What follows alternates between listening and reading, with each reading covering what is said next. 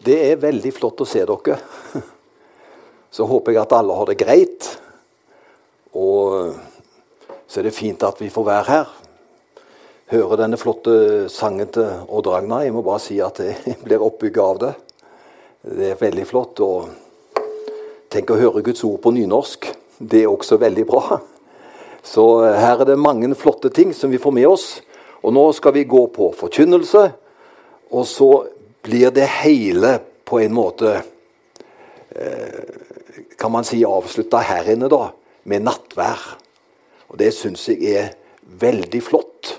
Og den teksten som jeg skal tale om i dag, den er ikke selvvalgt, for jeg har, jeg har valgt altså å tale over søndagens tekster, dette halvåret iallfall. Og da er den teksten lagt for denne søndagen. Men i den teksten så er jo det livets brød som er det sentrale. I Johannes evangelium kapittel 6. Så Jesu brød er det sentrale.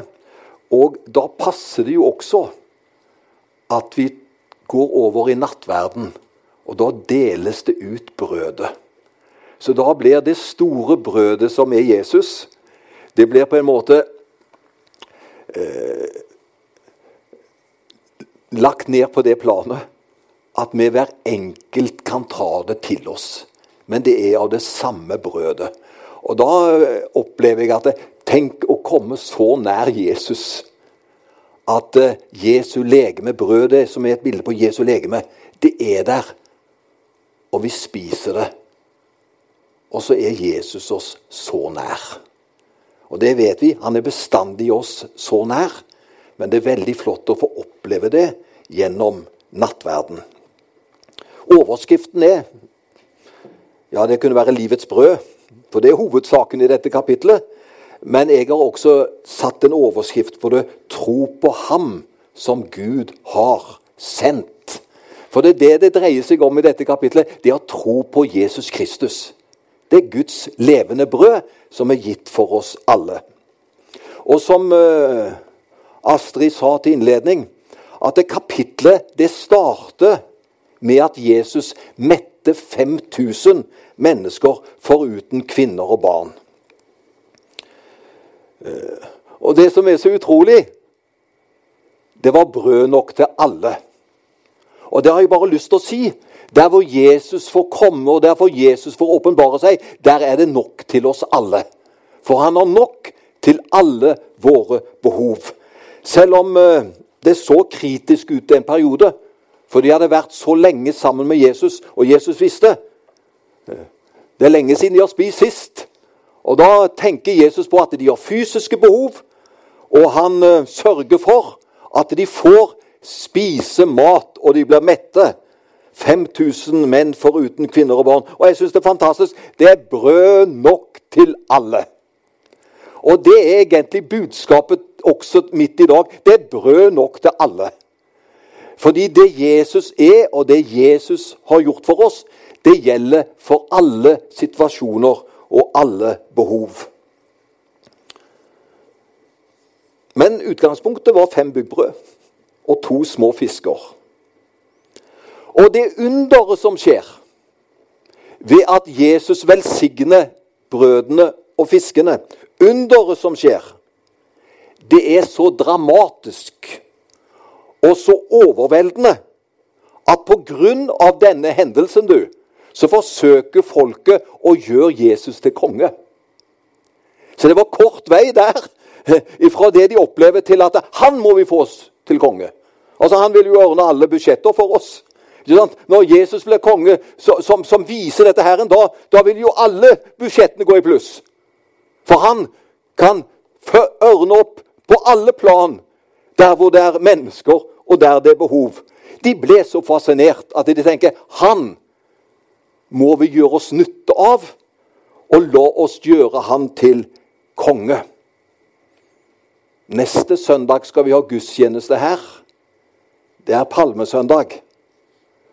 Da er det også en stor mengde, kanskje de samme som ønsket å gjøre han til konge fordi de fikk dekket opp sine behov. Og Da var det jo fantastisk å ha Jesus. De store skarene i Jerusalem på palmesøndag de hyller han og tilber han, og de vil krone han til konge. Hosianna, du som kommer.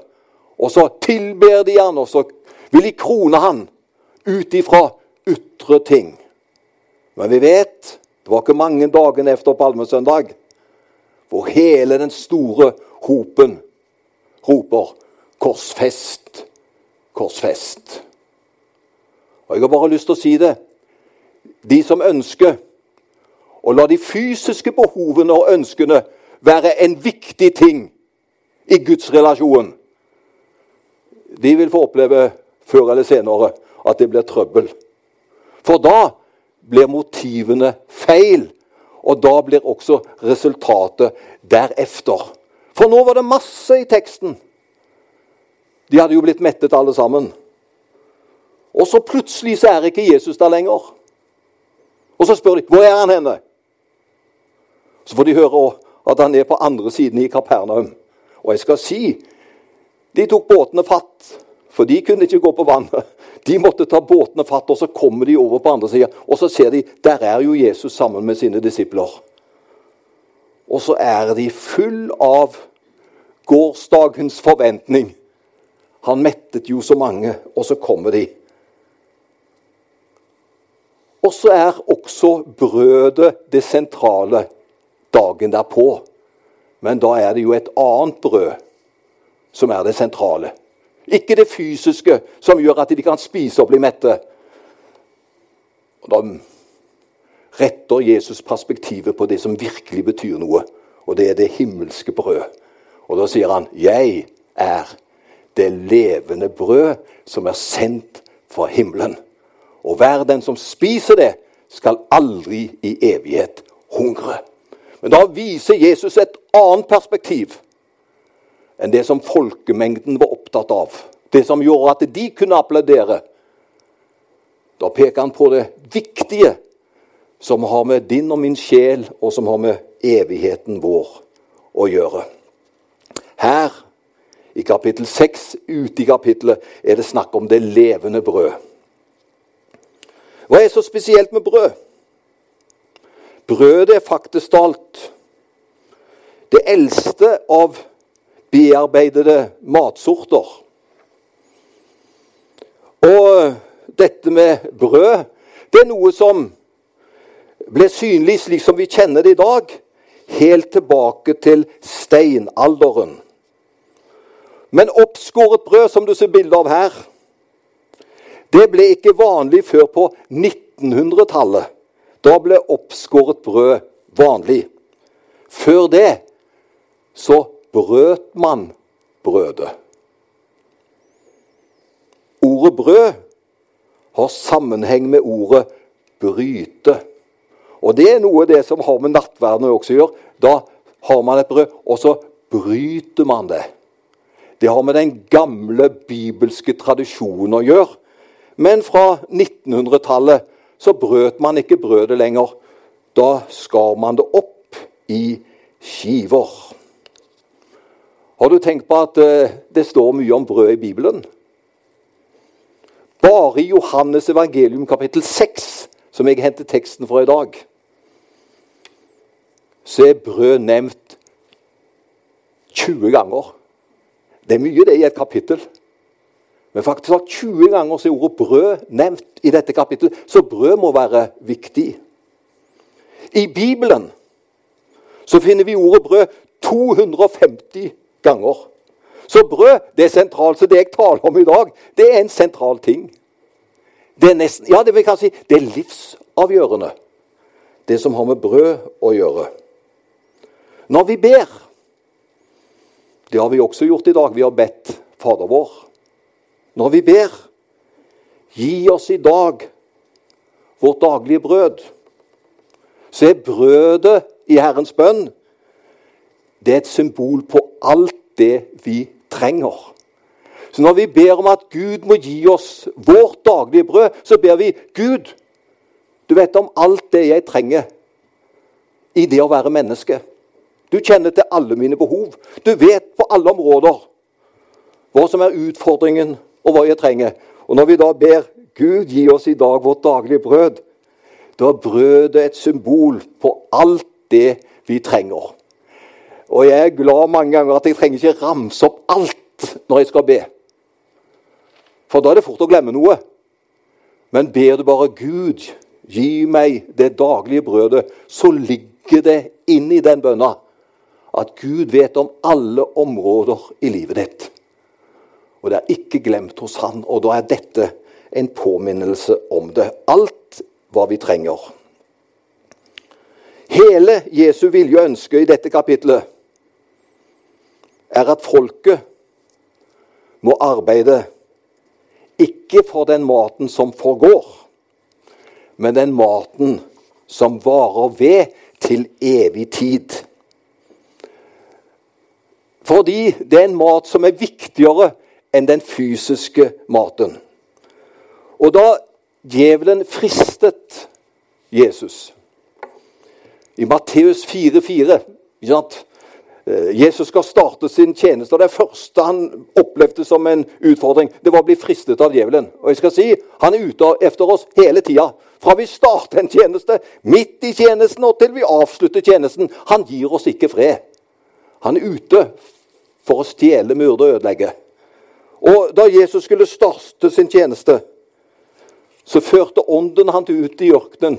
Og så står det han ble fristet av djevelen i 40 dager og 40 netter. Jeg skal si Jesus hadde det tøft. Og når han ble fristet av den onde, hvor den onde vil gi han mat Hvis du bare faller ned og tilber meg, så skal du få alt det du trenger til dine behov. Da svarer Jesus følgende. Det står skrevet. Mennesket lever ikke av brød alene, men av hvert ord som går ut av Guds munn. Ja, men lever vi ikke av brød? Jo, selvfølgelig. Brød er helt nødvendig, det. Og Jesus trengte virkelig brød, for det var etter en 40 dagers faste. Men Jesus visste det er noe som er enda viktigere enn den fysiske maten. Og det svarer han den onde med. Mennesket lever ikke av brød alene, men av hvert ord som går ut av Guds munn. Jeg er jo nødt til å si litt mer om brød, vet du, for brød er så sentralt i dette kapitlet. Brød er vårt fremste næringsmiddel. Det daglige, det sunne og det grunnleggende. Og det som er så utrolig med brød Du spiser noe som blir til ett med deg. Når du får maten inn og spiser den, så blir maten ett med deg.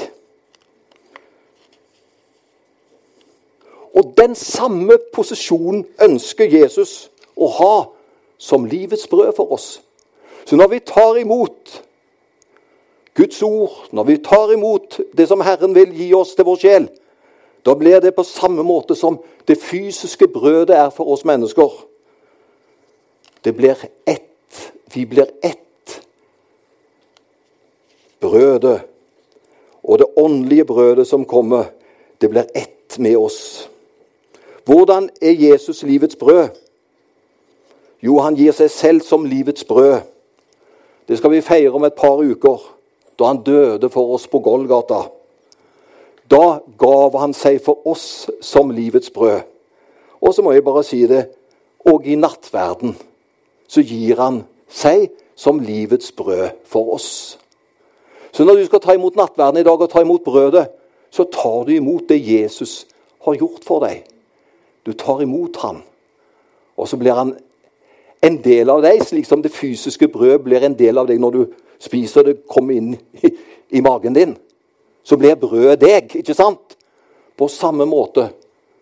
Så når vi tar imot dette, brødet fra himmelen, det Jesus har gjort for oss, så blir dette delaktig. Det blir oss. Det er noe merkelig du med mat og måltider. Dag ut og dag inn spiser og drikker vi. Jeg vet ikke hvor mange eh, brødmåltider du har spist. Jeg kan bare innrømme jeg har hatt tusenvis av brødmåltider så langt i livet mitt. Og det har du også. Og eh, jeg vet ikke hvordan det er med deg, men eh, vi spiser så stort sett gråbrød gjør vi ikke det? I gamle dager så var det finfolket de spiste finbrød. Og det var mer arbeidsfolk som da måtte spise det som var bitte litt simplere før i tida. De spiste gråbrød. I dag er det jo helt motsatt. I dag spiser de fleste gråbrød, om du er rik eller fattig, for det er det som er det sunneste. Godt med fiber. Gråbrød, det er bra. Men tenk på hvis du har spist 5000 eh, brødmåltider så langt i livet ditt. Skal vi bare si det som et, et tall? Hvor mange av disse brødmåltidene husker du? Den, jo. Den fredagen. I 1973. Den husker jeg! I det brødmåltidet som var da. Nei. Vi spiser brødmåltider flere ganger til dagen. I mange år. Det er blitt et kjempetall ut av de. Men individuelle måltider husker vi jo ikke. Vi vet bare at vi er avhengig av det, og vi setter så pris på det. Men vi kan ikke si at det, det brødmåltidet husker jeg spesielt godt. Jo, det kan hende, men ikke for mange av det iallfall. Slik er det også med det åndelige brødet som kommer til oss fra himmelen. Det viktigste, kjære venner, det er ikke å huske detaljene fra en preken og fra Bibelen. Det viktigste er at Herren gir oss næring der og da gjennom det vi tar imot. Og så husker du kanskje ikke Stens preken den 3. april 2022, når det har gått noen år. Husker du sikkert ikke denne prekenen. Du trenger heller ikke å huske den. Men det skjer noe med oss. Men den maten som vi tar til oss, den gjør noe med oss. Ubemerka, men vi opplever vi blir styrka. Vi blir velsigna. Vi vokser gjennom å ta til oss det åndelige brødet som Herren er. Og så skjer det fantastiske ting med oss. Derfor går vi også til gudstjeneste. Ikke fordi at vi skal huske den ene gudstjenesten fremfor den andre, men vi får kan vi si det sånn, vi får brødmat. Og så har du tusenvis av brødmåltider, og du har hundrevis av måltider som du får når du kommer til kirken, og så opplever du det styrker deg. Og jeg vil si at det er de som er fra fjern og fraværende til å oppleve den oppbyggelsen som Guds ord gjør, ja, da forstår jeg at hverdagen kan bli tung. Da forstår jeg at masse ting kan komme, for da er det andre ting som vil fylle oss. Derfor er det så viktig at vi fyller oss med ordet, med den freden, med det håpet, med det perspektivet som Herren kan gi oss i disse dager og i disse tider. Vi trenger det. Vi får det levende brødet, og det gjør noe med oss gjennom Bibelen og i dag også gjennom nattverden. Som mennesker har vi en dyp hunger efter mening, efter trygghet, efter svar, efter håp. Sjelens dype hunger. Hvordan stilles den? Den stilles ikke bare med det materielle. For mennesker lever ikke av brød alene, sier Jesus. Vi trenger den maten som gir evig liv. Hva skal vi gjøre for å få del i dette, spør folket. Vers 28. Og da svarer Jesus i neste vers. Tro på Han som Gud har utsendt. Hva betyr å tro? Noen får høre at de har en veldig sterk tro. Kanskje noen får høre det som kanskje er like godt. De har en seig tro. Ikke sant? Det er en tro som ikke gir seg. De ble en kristen en dag. Og den troen der, den vil de leve i. Og Da vil jeg kalle det for en veldig positiv, seig tro. ikke sant? Som ikke gir seg. Jeg har, en sånn, jeg har ikke en sterk tro, jeg, men jeg har mer en seig tro. Ikke sant? Altså, Jeg vil ikke gi opp troen min. Jeg vil være utholden i troen. Jeg vil leve på min tro, og den vil jeg dø på. Du skjønner bildet da? En seig, utholdende tro som står der i alle situasjoner. Jeg vet ikke hvordan din tro er. For den er forskjellig, for vi er forskjellige. Men Jesus sier, 'Hva skal jeg gjøre for å tros?' Og så svarer Jesus, 'Du skal tro på den som Gud har utsendt', svarer Jesus. Og han som Gud har utsendt, er Jesus Kristus, det. Og hva betyr da å tro? Skal du få en enkel forklaring hos meg i dag?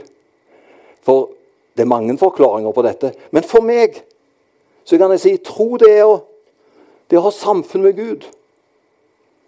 Tro det å vite at jeg er blitt venn med Gud. Han er blitt min venn. Det er å tro for meg. Jeg har samfunn med Gud. Gud er blitt min venn. Jeg er ikke redd lenger for Gud. Hvorfor det, da? Han er ikke min dommer, han er ikke min fiende, han er ikke min trussel. Gud er blitt min venn. Det er tro for meg. Han er ikke lenger vår fiende, han er ikke lenger vår anklager. Men han er vår far. Han ønsker å være din venn. Tro på ham som Gud utsendte, Jesus Kristus. Det å ha fellesskap med. Det å vite han vet om deg, han ser deg. Og han har en kjærlighet til deg midt i ditt liv. Hvilke gjerninger skal vi gjøre? Ja, gjerninger de, de kommer vi nesten aldri unna, som, iallfall ikke som norske kristne, for gjerninger de er veldig sentrale. Og Vi tror ofte at vi må gjøre disse og disse gjerningene for at Gud skal akseptere oss. Hvilke gjerninger skal vi gjøre? Kan vi la Paulus få sette den tingen på plass? Hør hva Paulus sier, hvilke gjerninger vi skal gjøre. Han sier 'ikke av gjerninger', for at ingen skal rose seg. For vi er Hans verk, skapt i Kristus Jesus, til gode gjerninger, som Han har lagt ferdige for at vi skal vandre i dem. Du kan ikke frelse deg med en eneste god gjerning. Vi er Hans verk, skapt av Jesus Kristus. Men da kommer det noe interessant. Når vi da lever med Jesus Kristus, da ligger det gode gjerninger i løypa. Men da har Han lagt de ferdig for oss, for at vi skal vandre i dem.